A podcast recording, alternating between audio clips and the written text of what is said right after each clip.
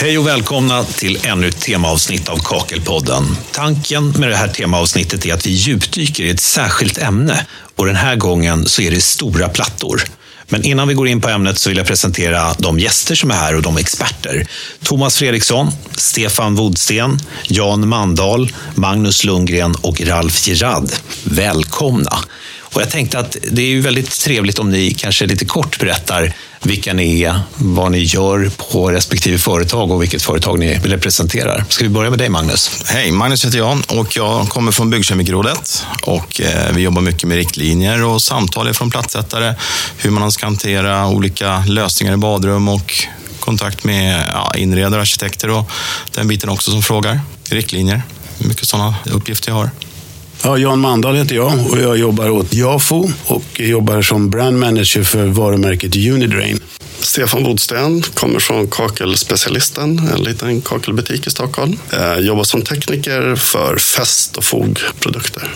Thomas Fredriksson jobbar på Nordic Tools, eh, mur och kakelverktyg. Sverige-ansvarig och ansvarig för driften för Nordic Tools i Sverige. Ralf Gerard heter jag, eh, VD Byggkeramikrådet. Tack så mycket allihopa. Du eh, Ralf, eh, kan inte du berätta lite kort, varför har vi ett temaavsnitt just om stora plattor? Ja, det stämmer. Det här är det andra temaavsnittet vi spelar in. Vi gjorde ett för ja, ett par månader sedan eh, som handlade om eh, tillskjutande markfukt. Eh, och den här gången så ska vi prata om stora plattor, eller keramiska skivor. Och anledningen är helt enkelt att det, det är ett sånt ämne som hela tiden är aktuellt. Det, det liksom kommer mer och mer den typen av material, alltså den storleken på plattor. Det är inte så att tillverkarna gör mindre plattor utan snarare tvärtom. Det kommer större och större. Eh, utseenden förändras och, och till det här så, så kommer det såklart nya hjälpmedel, andra typer av hjälpmedel, eh, andra typer av brunnar, fästmassor, fogmassor. Allt sånt där driver på den här utvecklingen ihop. Så att, eh, då är det dags eh, att göra ett eh, temaavsnitt om just stora plattor och, och belysa det. För att det är ständigt aktuellt och väldigt komplext. Ja, verkligen. Stora plattor, det skapar ju en storslagen effekt i både badrum och kök. Det är tungt att jobba med och det ställer högre krav på planering, underarbete och själva utförandet. Vi ska bland annat prata om vad man behöver tänka på och förbereda sig på innan man tar ett sånt här uppdrag. Men jag tänkte att vi börjar någonstans i stora plattor. Vad är definitionen egentligen av stora plattor? Vad säger du Magnus? Stora plattor idag, det är ju hela som Raffa var inne på, att eh, hela utvecklingen i Italien och driver på större format och de blir större och tunnare. Och eh, där måste man hitta någon, någon form av arbetsmetoder för de här också. Och där säger vi från rådet då att ja, över 30-30 där har vi då, börjar vi prata med att vi ändrar arbetsmetod. Där ska vi börja bakstryka plattorna. Sen har vi då en annan definition då, när den får en kantlängd över en meter på en platta. Då är en som keramisk skiva.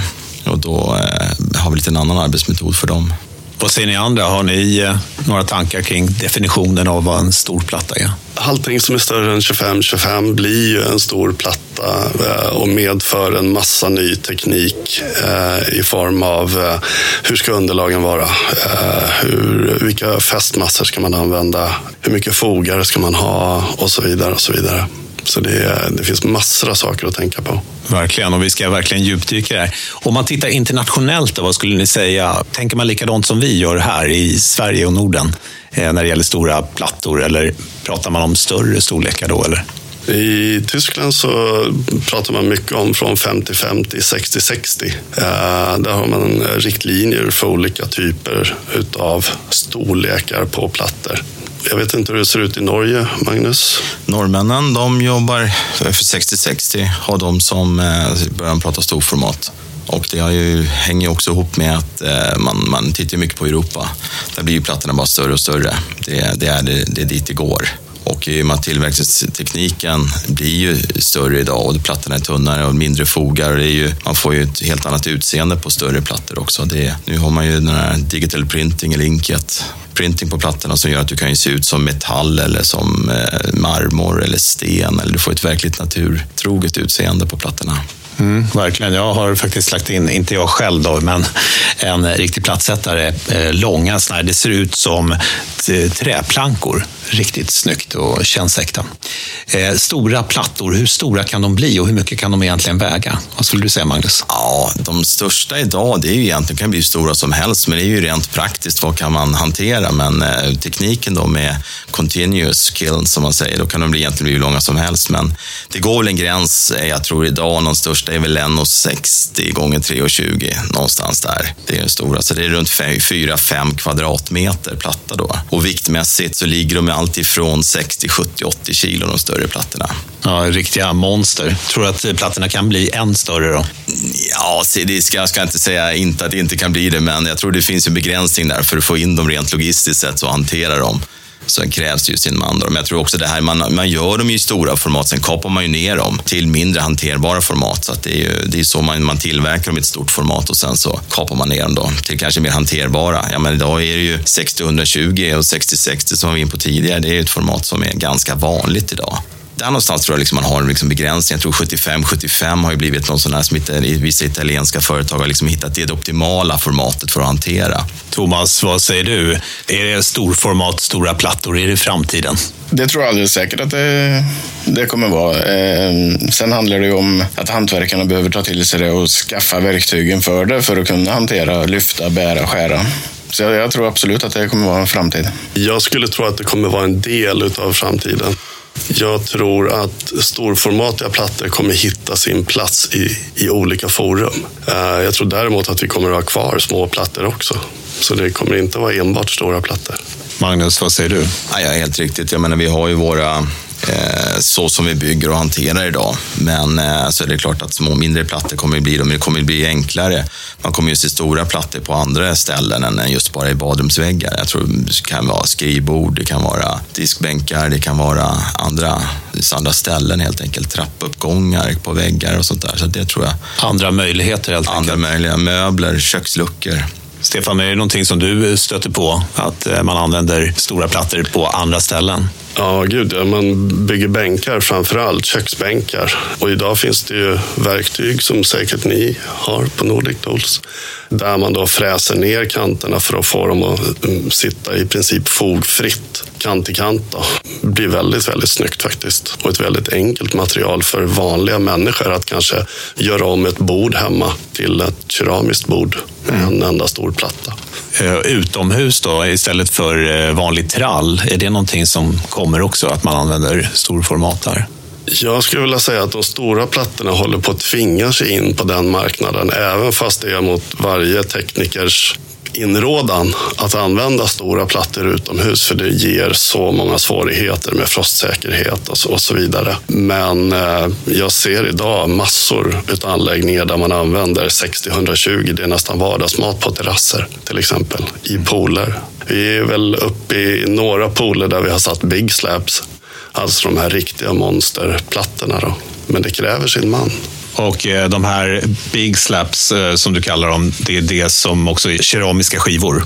Ja, mm. precis. Jan, vad säger du? Ja, det här mycket 60-60-plattor och 60-30-plattor används ju av badrumsbyggarna när man gör badrum. Och eh, vi ser ju det. Det har ju ökat vår försäljning av väggnära brunnar. Eftersom den är ju en lösning då, så att du kan även i duschutrymmet ha de stora plattorna. Så att om man lägger en brunn längst inne vid väggen eller en hörnbrunn så löser man ju så att man slipper kuvertskära som man måste göra runt en vanlig traditionell brunn. Då. Det där med brunnar är ju högintressant. Jag tänkte vi skulle gå in lite närmare på det lite längre fram här. Om man säger så här, om vi tittar på den svenska marknaden, vad skulle ni säga, i vilka utrymmen är det vanligast att man använder stora plattor? Ja, alltså jag tänker mest på, det är ju större, alltså om man pratar då Big Sass och 60-60 uppåt, det är ju mycket bilhallar. Där är det största användningen och det är ju restauranger, större ytor, större, där vill ha mindre fogar, alltså färre fogar ska jag säga. Där är ett stort användningsområde, men det kommer ju även in då i badrummen på väggar där är ju framförallt det som är då. Men vi ser också en ökning då på eh, just ifrån fasader, alltså keramiska fasader, där man använder stora skivor. För keramiken är ju ett fantastiskt material just i den hänseendet. Det åldras ju inte och det bleks inte och det slits inte. Det är ju... Alltså på stora hus? Ja, på husfasader helt enkelt.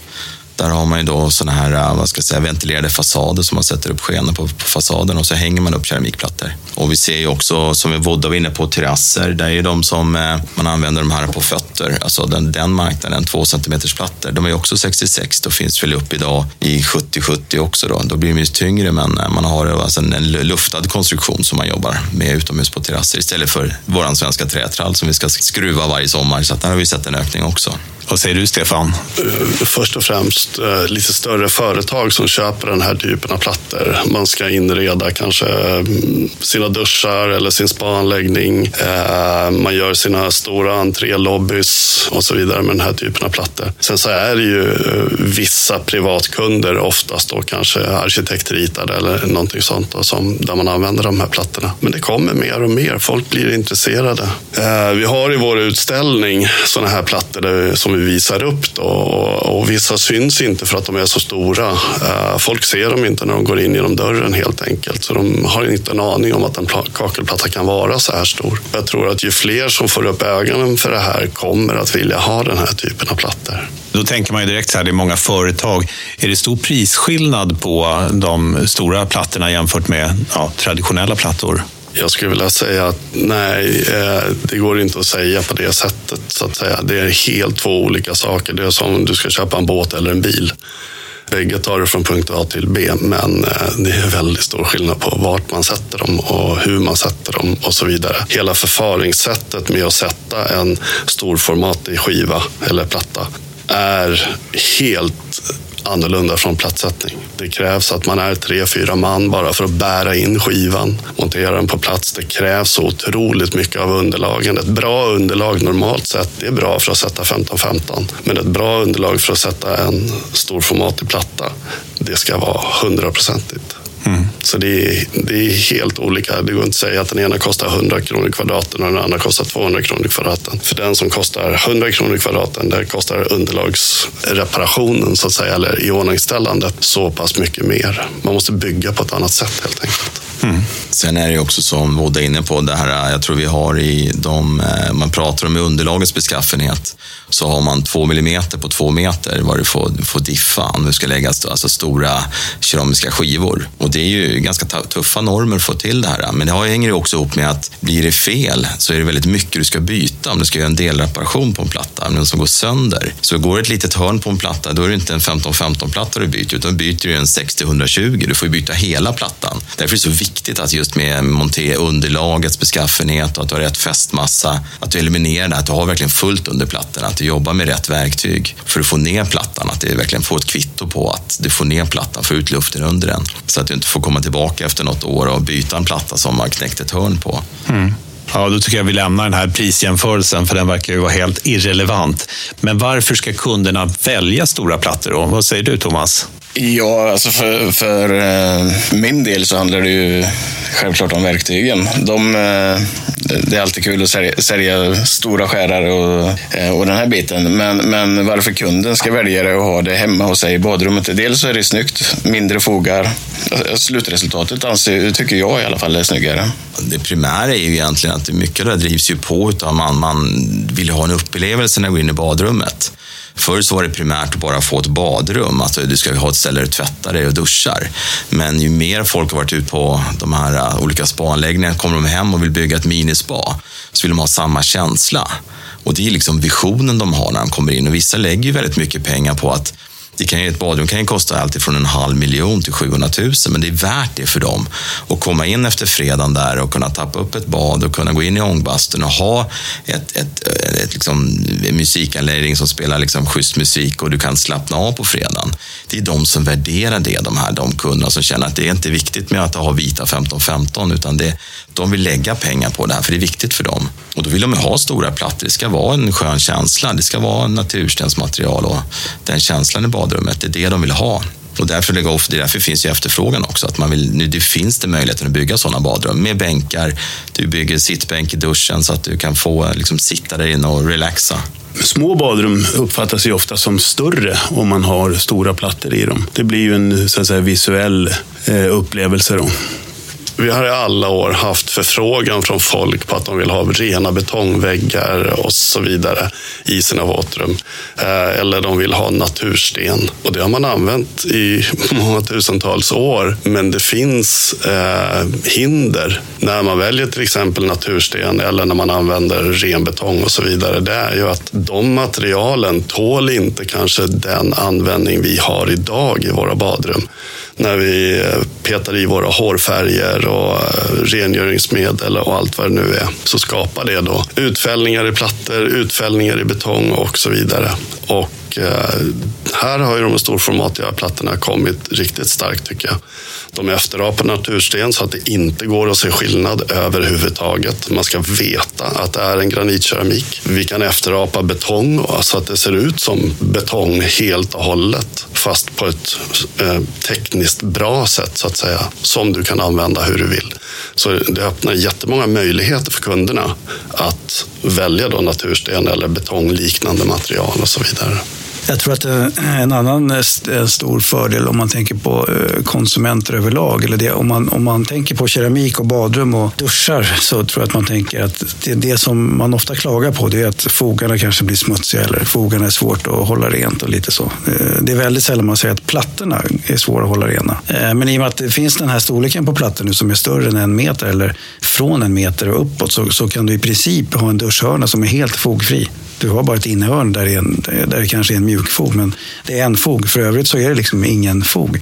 Och det tror jag, den här just möjligheten till att hålla badrummet lika fräscht hela tiden. Det, det, det, tror jag, eller fogarna lika fräscha, det, det, tror jag är en stor fördel också.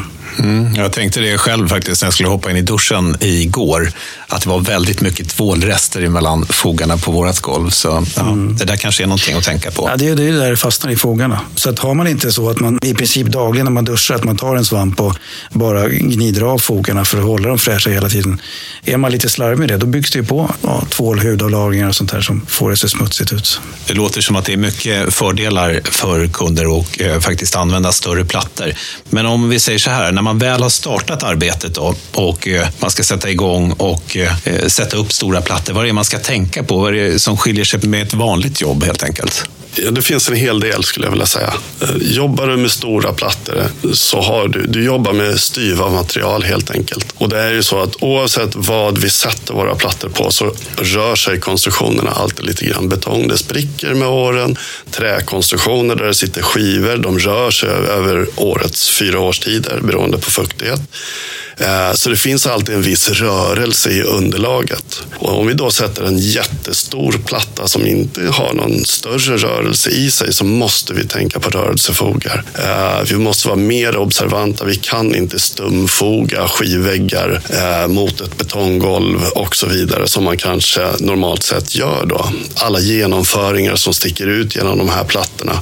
Det kan ju vara så att man smackar upp en tuff duschblandare också med sju stycken vred på. Då ska det borras sju stycken hål i den här. Eh, det här är en låda som vibrerar lite grann hela tiden den måste sitta med mjukfogar runt om. Man måste ha med sig det här att är man inomhus så är det ganska okej okay att ha lite mjukfogar, att ha dem bara på de värsta ställena. Skulle vi gå utomhus med sådana här stora plattor, då måste vi verkligen tänka till. Eh, för i branschreglerna och de riktlinjer vi har så har vi rekommendationer att vi ska sätta en millimeter mjukfog per meter plattsättning. Och då om vi har en platta som helt plötsligt är 3,20 lång, eh, då vet vi knappt hur vi ska göra för att få dit den. Då måste man börja bestämma då om fästmassorna ska ta upp stor del av rörelse.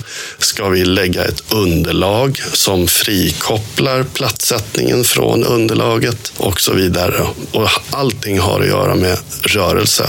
För de här plattorna är glashårda, skulle jag vilja säga. De spricker lätt.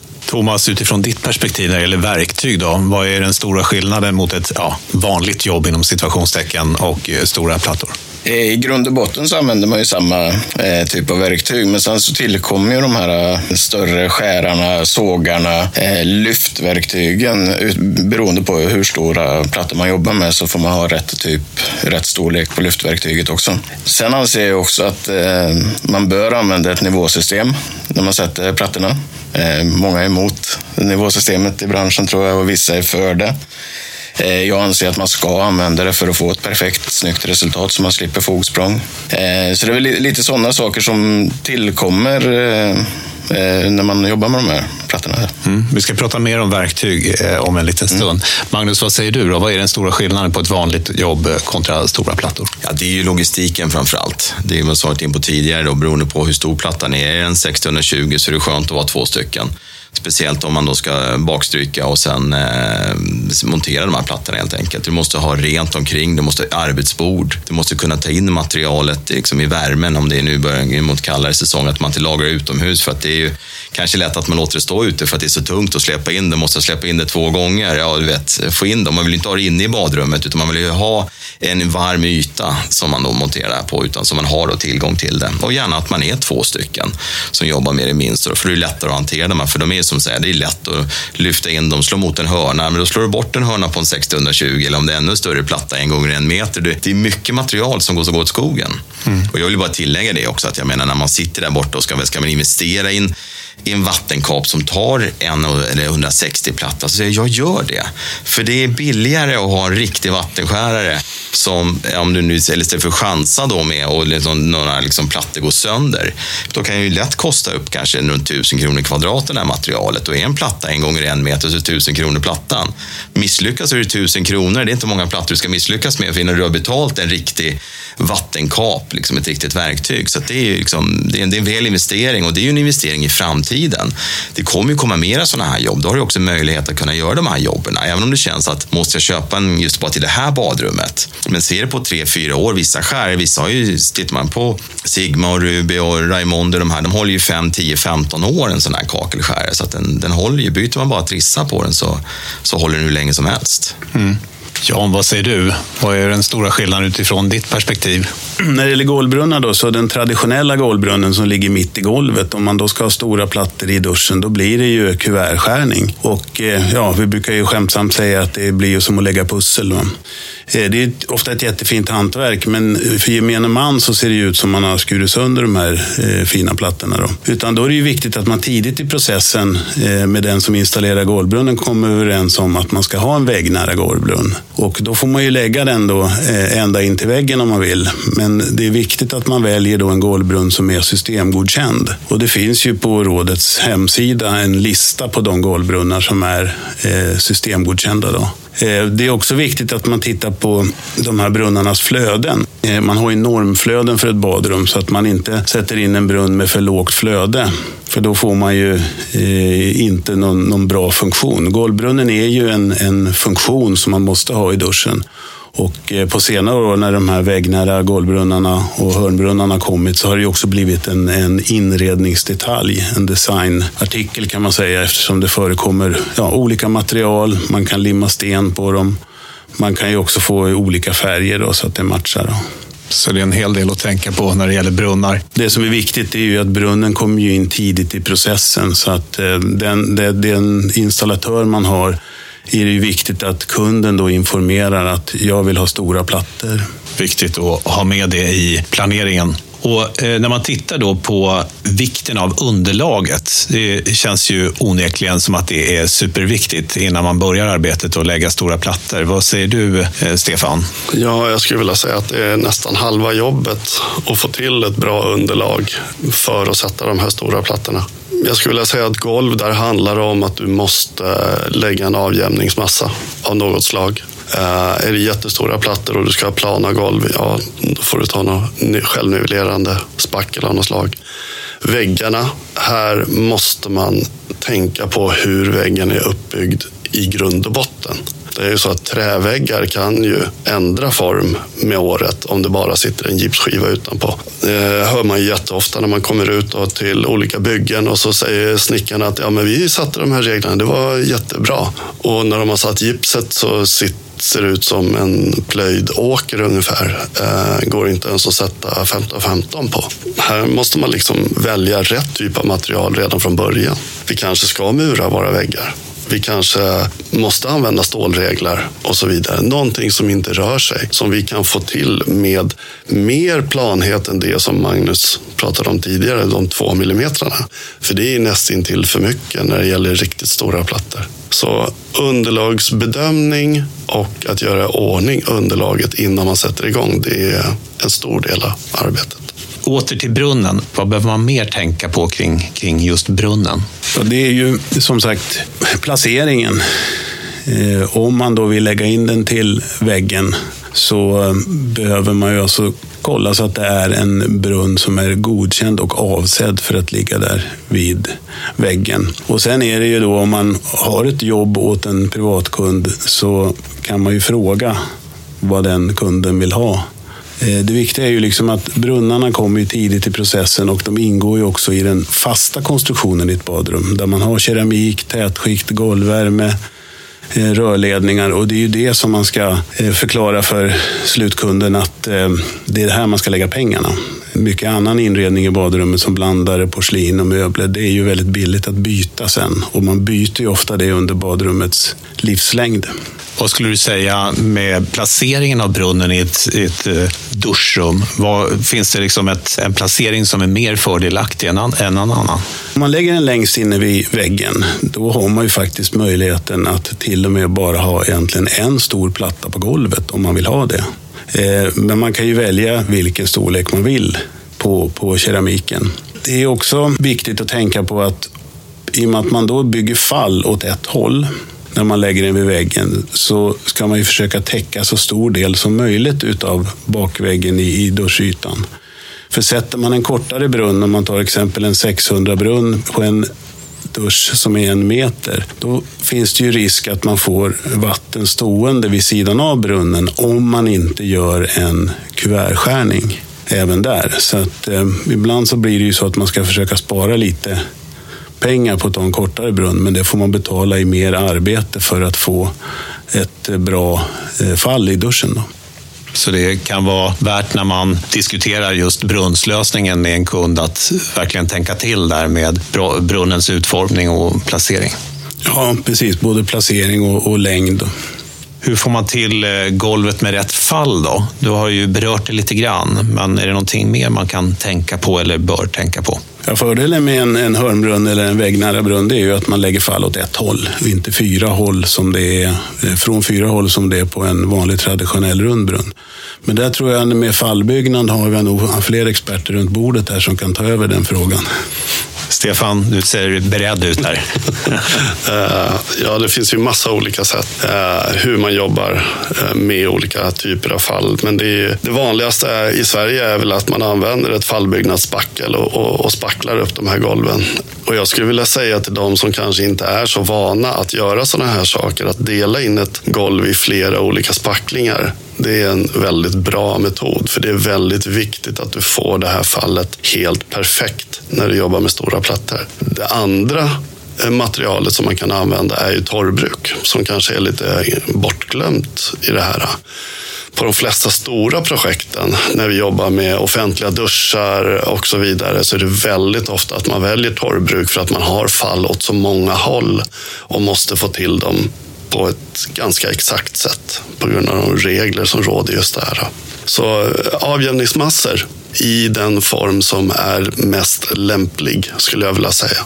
Om det är fallbyggnadsspackel eller torrbruk, det spelar mindre roll. Sen finns det även färdiga skivlösningar för fall i golv. Då. Men eh, de är inte så utbredda på marknaden ännu. Vi har inte riktigt den byggnadstekniken i Sverige. Ute i Europa så jobbar man mer med att man ska jobba med tjocka, stora slipsatser. Men när man gjuter i Sverige så vill man dra rören i betongen och då finns det inte utrymme för sådana här påbyggnadsslipsatser helt enkelt. Ja, sen kan jag tillägga också när man gör, om man är samma hantverkare som spacklar golvet som lägger plattorna, det är ju fantastiskt bra för då vet man att man har rätt underlag. Och då planerar man in även liksom kapningarna utefter fallspacklingen. Så att om du går fram till duschväggen så kanske du har en lite planare fall om det är större format och sen så har du lite mer lokalfall. Och då lägger du liksom brytningen i fallet precis där du ska lägga plattbrytningen. Så att då får du med dig den på ett bra sätt också. Så att man planerar helt enkelt från början. Här ska jag ha en väggnära brunn och här ska fallen gå. Som Vodda var inne på också, att man planerar in det här efter använder ju nivåraketer och har koll på det här. Det är ju väldigt viktigt idag just med spacklingen. Vi ser ju det också, mycket samtal till oss på rådet är just att det är svackor, det är buktighet, det är bakfall. Så att det är ju eh, lägga lite extra energi där och få till de här eh, och verkligen lägga passet på golvet och kolla att, att jag inte har någon svackor längs väggarna eller jag har någon, någon, någon knöl på golvet. Det kan se bra ut, men lägger man passet på så ser man ju ganska snart. Och det tar fem minuter, så att det, det, eh, ta med sig det. Det är ju en bra grej att hålla koll på, men är det något annat så här som ni tycker att eh, man lätt glömmer bort? Eller missar kanske när det gäller stora plattor eller brunnar eller fästmassa eller annat? Är det någonting man ska vara extra observant på? Ja, om vi kan ta fästmassor så är ju det ganska vanligt att man vill använda den fästmassa man alltid använder. Den man tycker är jättebra.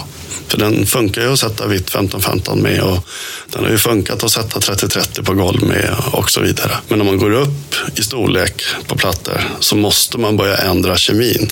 För det är ju så att när en platta ska torka, som man har satt, så använder man ett normaltorkande bruk så kommer det ta flera månader innan eh, den här fukten tar sig ut under plattan. Eh, och det har att göra med att det första som torkar är kanten på plattan. Och då har vi helt plötsligt en spärr för vattnet att ligga kvar där inne. Så vad man måste göra, man måste gå över på en fästmassa som har någonting som kallas för kristallinsk bindning av sitt eget vatten. Den tar alltså hand om sitt eget vatten. Så fästmassan är otroligt viktig. Eh, beroende på hur stor platta man nu ska sätta så måste man även kolla på vilken flexibilitet som finns i fästmassan. De flesta fästmassor som finns på marknaden de håller klass S1 och i det här fallet när vi går upp på kanske 60-60 eller högre, ja då ska vi använda S2 fästmassor. Eh, på grund av att vi måste ta hand om den rörelse som finns i underlaget. Det gör inte plattan. Så det här är någonting som folk förbiser att oj, fixet kostade helt plötsligt tre gånger så mycket. Eh, så det är en enkel miss. Men den kostar ändå billigare än att åka tillbaka och byta plattorna. Så att investera i ett bra fix från början är ändå billigare än att åka tillbaka och göra om det. En platta som lossnar eller någonting annat. Så att det är ju en väl investerade pengar att ta en, ta en, en S2-fix i det här. Det är, det är A och O i det här att man jobbar med rätt grejer är ju livsviktigt, tänkte jag säga, men det är väldigt viktigt. Hur ska man tänka när man stryker? Eh, ska man använda något särskilt eh, verktyg just vid strykning av stora plattor? I Sverige har man ju sagt dubbelsmeta hur länge som helst. Och det betyder att man tar plattan och så stryker man fix på baksidan med den släta sidan. Och så kammar man på underlaget och så tjoffar man ner det där det företag som vi representerar har gjort en utredning om eh, hur man får bäst bakfyllnad av en platta. Att man måste kamma plattan på baksidan och på underlaget och det här ska vara linjärt. Det ska alltså inte korskammas utan rillorna ska gå åt samma håll. Eh, och beroende på storlek på platta, beroende på underlag och hur mycket man behöver så använder man två olika storlekar på kammar för att få de här rillorna att smälta ihop helt och hållet. För full täckning under plattorna och det är superviktigt på storformatsplattor som är 3 till 6 mm tjocka. Ja, jag skulle vilja säga att ett förfarande när man kammar för den här typen av plattor betyder att man först bakstryker plattan. Precis det som vi har pratat om i alla år. Man använder den släta sidan och skrapar in fixet. Både på plattan och i underlaget. Sen lägger man på fästmassa och kammar ut med respektive kam i linjära linjer. Och sen så för man ihop det här och gör ändå en rörelse vinkelrätt mot linjerna. Så får man då full täckning under plattorna. Och det här måste man kontrollera hela tiden. Så att kanske när det har kommit en 3-4 kvadrat då är det dags att lyfta på en platta igen och se att du har rätt teknik. Gör det här tills du kan det. Tills du ser att det är full täckning under plattorna. För det är A och O i det här finns ju verktyg idag, Thomas, som vibrations... Idag, precis. Eh, traditionellt har man väl suttit med gummiklubban och knackat och har trott att det har blivit bra, men eh, idag kör man ju mer och mer med vibrationsverktyg för att vibrera ut luft och få plattan att sätta sig. Är det någonting eh, särskilt verktyg man ska använda just i det här momentet eh, som Stefan pratar om, som, som man behöver för stora plattor? Det är en helt vanlig traditionell tandspackel du kan använda till det när du ska bak, bakstryka och kamma plattorna så. Men just vid, vid läggningen så, så, då handlar det om att köra vibrationsverktyget för att få ut luft. Även i det här läget, eh, nivåsystemet som vi pratade om förut, att det, det finns med beläggning så att man kan justera upp plattorna så att man får, eh, ja, att allting ligger jämnt och fint. Jag vill gärna slå ett slag för rundtandningen av tandspackel. Den är ypperligt bra på, på golv. Man har väl haft den i Sverige och liksom provat på vägg och tycker att det, det hänger inte. Och det är klart, för det ger ju mycket mer material. Och den har ju massa fördelar, en rundtandad eh, tandspackel. Och den tycker jag ni ska testa på, eh, på golv nästa gång. Ger mycket material och den torkar inte ut lika snabbt som en fyrtandad tandspackel. Mm. Varför är den så bra just på golv då? Ja, det ger ju mer och det är ju mängden vi vill komma åt. Alltså, vi får ju upp, få mycket fästmassa under plattorna. Så att den är en bra, och det är även om du lägger alltså, ner vanliga 2020 och alltså 3030 så är det en fördel att jobba med den också. Den ger mer helt enkelt. Och den är ganska, och speciellt med om man jobbar med lättfixer och flytfixer så är det trevligt att jobba med den. Det ger mycket massa. Ja. Ja, här har vi en fallgrop också eh, för många. Att vi vill ha, precis som Magnus säger, mycket material under plattorna för att kunna få dit dem och så vidare. Men här måste man verkligen titta på fästmassan. Klarar den av den här typen av bädd som den här tandspacklan klarar eller ger? Eh, om vi säger att vi har eh, tandspacklar som ger upp till 15-20 millimeter bädd, då måste vi också ha en fästmassa som klarar av det här. Det klarar inte alla. Viktigt att man läser på där. Viktigt att man läser på skulle jag vilja säga. Jätteviktigt. Thomas, när det gäller verktyg, eh, vad är det för utrustning man behöver då när man ska lägga stora plattor som inte finns i den vanliga verktygslådan? Beroende på vilken storlek på platta. Det kan ju räcka med en bra skärare som är det, beroende på vilken storlek det är så kan man ju eh, använda vanlig skärare, kakelskärare, när man ska skära plattorna. Eh, sen när man kommer upp på de här riktigt stora plattorna då kan det vara bättre att använda sig av en, ett sken, en skensåg där du har en eh, vattentillkoppling så att du kan kapa med snittet med vatten. Eh, man kan också slå ner dem 45 grader och köra geringar, vilket blir vanligare och vanligare nu. Att man hoppar över kakellisten och så ska man sätta plattorna så att det blir noll fog i stort sett mellan plattorna. Eh, lyftverktygen är ju viktiga. Eh, så att man ergonomiskt riktigt arbetar. Eh, ett bra arbetsbord eh, och lägga upp plattorna på så att man slipper krypa runt på golvet när man ska hantera dem. Tycker, tycker jag kan vara viktigt. De här olika lyfthjälpmedlen, då, finns det olika typer av, av dem som man bör ja, det, det, det, finns ju när man börjar komma upp på säg 60-60, då kanske man hanterar dem bra med en vanlig en enkel sugkopp. Men när man börjar komma upp på de här riktigt stora 1,20, 2,40, den, den storleken på keramiska plattor, då krävs det att man har ett eh, bärsystem som eh, det sitter flera sugkoppar på som gör att man också håller de här plattorna helt raka och säkra så att man inte knäcker dem på vägen. Och, och så är de ju tunga så man behöver ju vara mer än en och bära in dem. Fördelen med sugkropparna också, de här handtagen är ju att när du bakstryker så får du ett bra handtag att hålla i plattan. Har du inte det så, så är det svårt att ja, liksom, täcka. Du får ett bra handtag, bra lyft, bra grepp i plattan. Så det är en stor fördel när man jobbar med det och det, man får in tekniken så går det snabbare och snabbare också bakstryka.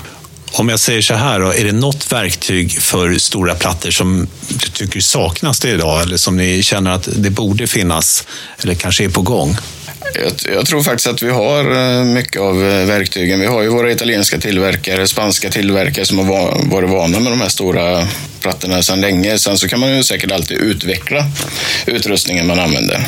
De, och de plattsättarna egentligen som jobbar idag med det, med det här, de, de ser till att skaffa sig sina saker som de behöver ha och eh, använder hjälpmedlen som krävs. Men saknar något idag, det tror jag inte vi gör. Jag vet inte om det finns, men eh, det som du pratade om tidigare, att man måste hålla de här plattorna varma och så vidare. Ja, det är inte så enkelt att ställa in dem i ett hus eh, om det är lite med plats och så vidare. Det borde kanske finnas här, värmetält och, och sådana små grejer som man enkelt kan fixa hanteringen också av de här plattorna. Nu har vi ju lyftsystem hur vi kan bära dem och vi kan skära dem och så vidare. Nu är det kanske lite att vi ska kunna bära dem fram och tillbaka och, och hålla dem okej okay under tiden tills vi ska sätta dem. Mm. En affärsidé där, ja. Stefan. Eh, om man säger så här, vi, vi pratade ju, eh, Thomas, lite kring just det här med hjälpverktyg och så där. Arbetsmiljö är ju en viktig fråga. Känns det som att de hjälpmedel som finns idag uppfyller behoven? Jag skulle säga att de, de gör det under de förutsättningarna som finns idag. Det gör det absolut. När det gäller stora plattor, finns det olika utbildningar och sådär man kan gå? Jag tittar på dig, Stefan. Mm. Eh, inga konkreta utbildningar. Eh, vi har däremot ofta väldigt eh, sådana här förevisningar av verktyg. Vi har förevisningar av fästmassor där man då får lära sig allting man behöver tänka på. Eh, ofta kan det ju vara så att när man kommer till en sån här förevisning eller show att man tittar på det som händer utan att egentligen reflektera över vad det är de gör och vad det är som är specifikt. Jag skulle vilja säga att idag har du ingen konkret utbildning för det här. Däremot så är det företag som har specialiserat sig på att sätta sådana här plattor. Eh, och vi håller väldigt mycket utbildningar, så när företag vill ha utbildning angående sånt här så, så har vi genomgång med de företagen om, om hur de ska tänka och vad de ska använda för något och så vidare. Så det är väl det närmsta som finns, tror jag. Mm. Det har ju förekommit en del eh, olika medlemsföretag då, som har erbjudit olika aktiviteter när det gäller runt stora plattor. Och då har ju jag som leverantör av väggnära brunnar tillsammans med ja, verktygsföretag och, och sånt, har man haft, eh, det har vi mera som liksom en aktivitet eller happening. Just nu är det ju lite låg aktivitet då, med tanke på pandemin. Då. Eh, sen förekommer det ju också att en del eh, tar med till exempel mig då eh, på eh, steg 3-utbildningar eller någon av mina kollegor då, om det är någon annanstans i landet. Okej, okay, då finns det eh, en del utbildningar och sådär som ni kör. Men om det är så att man lyssnar på, på det här avsnittet och känner att ah, men jag skulle vilja gå någon utbildning eller jag skulle vilja lära mig mer kring det här. Vad ska man göra då, Magnus? Jag skulle kontakta närmsta KA-företag, alltså kakel och klinkerleverantör då, som säljer de här skivorna. De besitter den kunskapen och de ordnar ju löpande kurser kurser och utbildningar för det. Är det projektbaserade, om man har sålt in till ett, till ett projekt, ja men då är jag helt övertygad om att de ser till att du får rätt utrustning, rätt material, rätt, rätt plats och du kan även leverera materialet till rätt ställe också. Så att det, då vänder till leverantör, en KAF-leverantör i första hand. Man vill ju säkerställa som leverantör att, att det blir rätt hela vägen. Och då, mm. då, för det är så mycket som, ja, har vi spacklat rätt, kontrollera, har, stämmer av de här grejerna. Ja, att du har rätt utrustning för det här, rätt material, rätt fästmassa, rätt underlag, rätt förutsättningar. Mm. Ja, men det, det, det, är väl just det där att man har en dialog med sin leverantör ja. som är viktig att få fram. Och att man läser monteringsanvisningarna, det skadar ju inte att påpeka. Ja. Det låter ju hur bra som helst där. Bra tips. Okej, okay. är det någonting annat ni tycker är viktigt när det gäller stora plattor, så här som ni vill lyfta eller som är viktigt att få fram? Vad säger du Magnus? Ja, när ni får en förfrågan på stora plattor så ta reda på hur stor är plattan, vad väger den och vilken tjocklek har den. Det finns ju sån här keramik idag som är alltifrån 3 mm upp till 5 mm och till 10-12. Det, nästan, det skiljer sig nästan dubbelvikten från en 6 mm en gånger en meters platta upp då till, en, eh, till en 12 mm. Så att det, ta reda på det. Ja, jag skulle vilja haka på där och, och, och säga då att när man ska lägga en storformatig platta som kanske är 3 mm på golv så måste man tänka på vad som eh, kan hända. Eh, vad är det för golv jag lägger på? Vilka spänningar finns i golvet? Och att man då kanske tittar efter lösningar där man kan frikoppla underlaget från själva plattsättningen. Eh, men där är det återigen att kanske vända till din leverantör för att se vad det finns för lösningar. Eh, nu finns det 6 mm plattor. Det finns, precis som Magnus sa, olika varianter ända upp till 20 mm.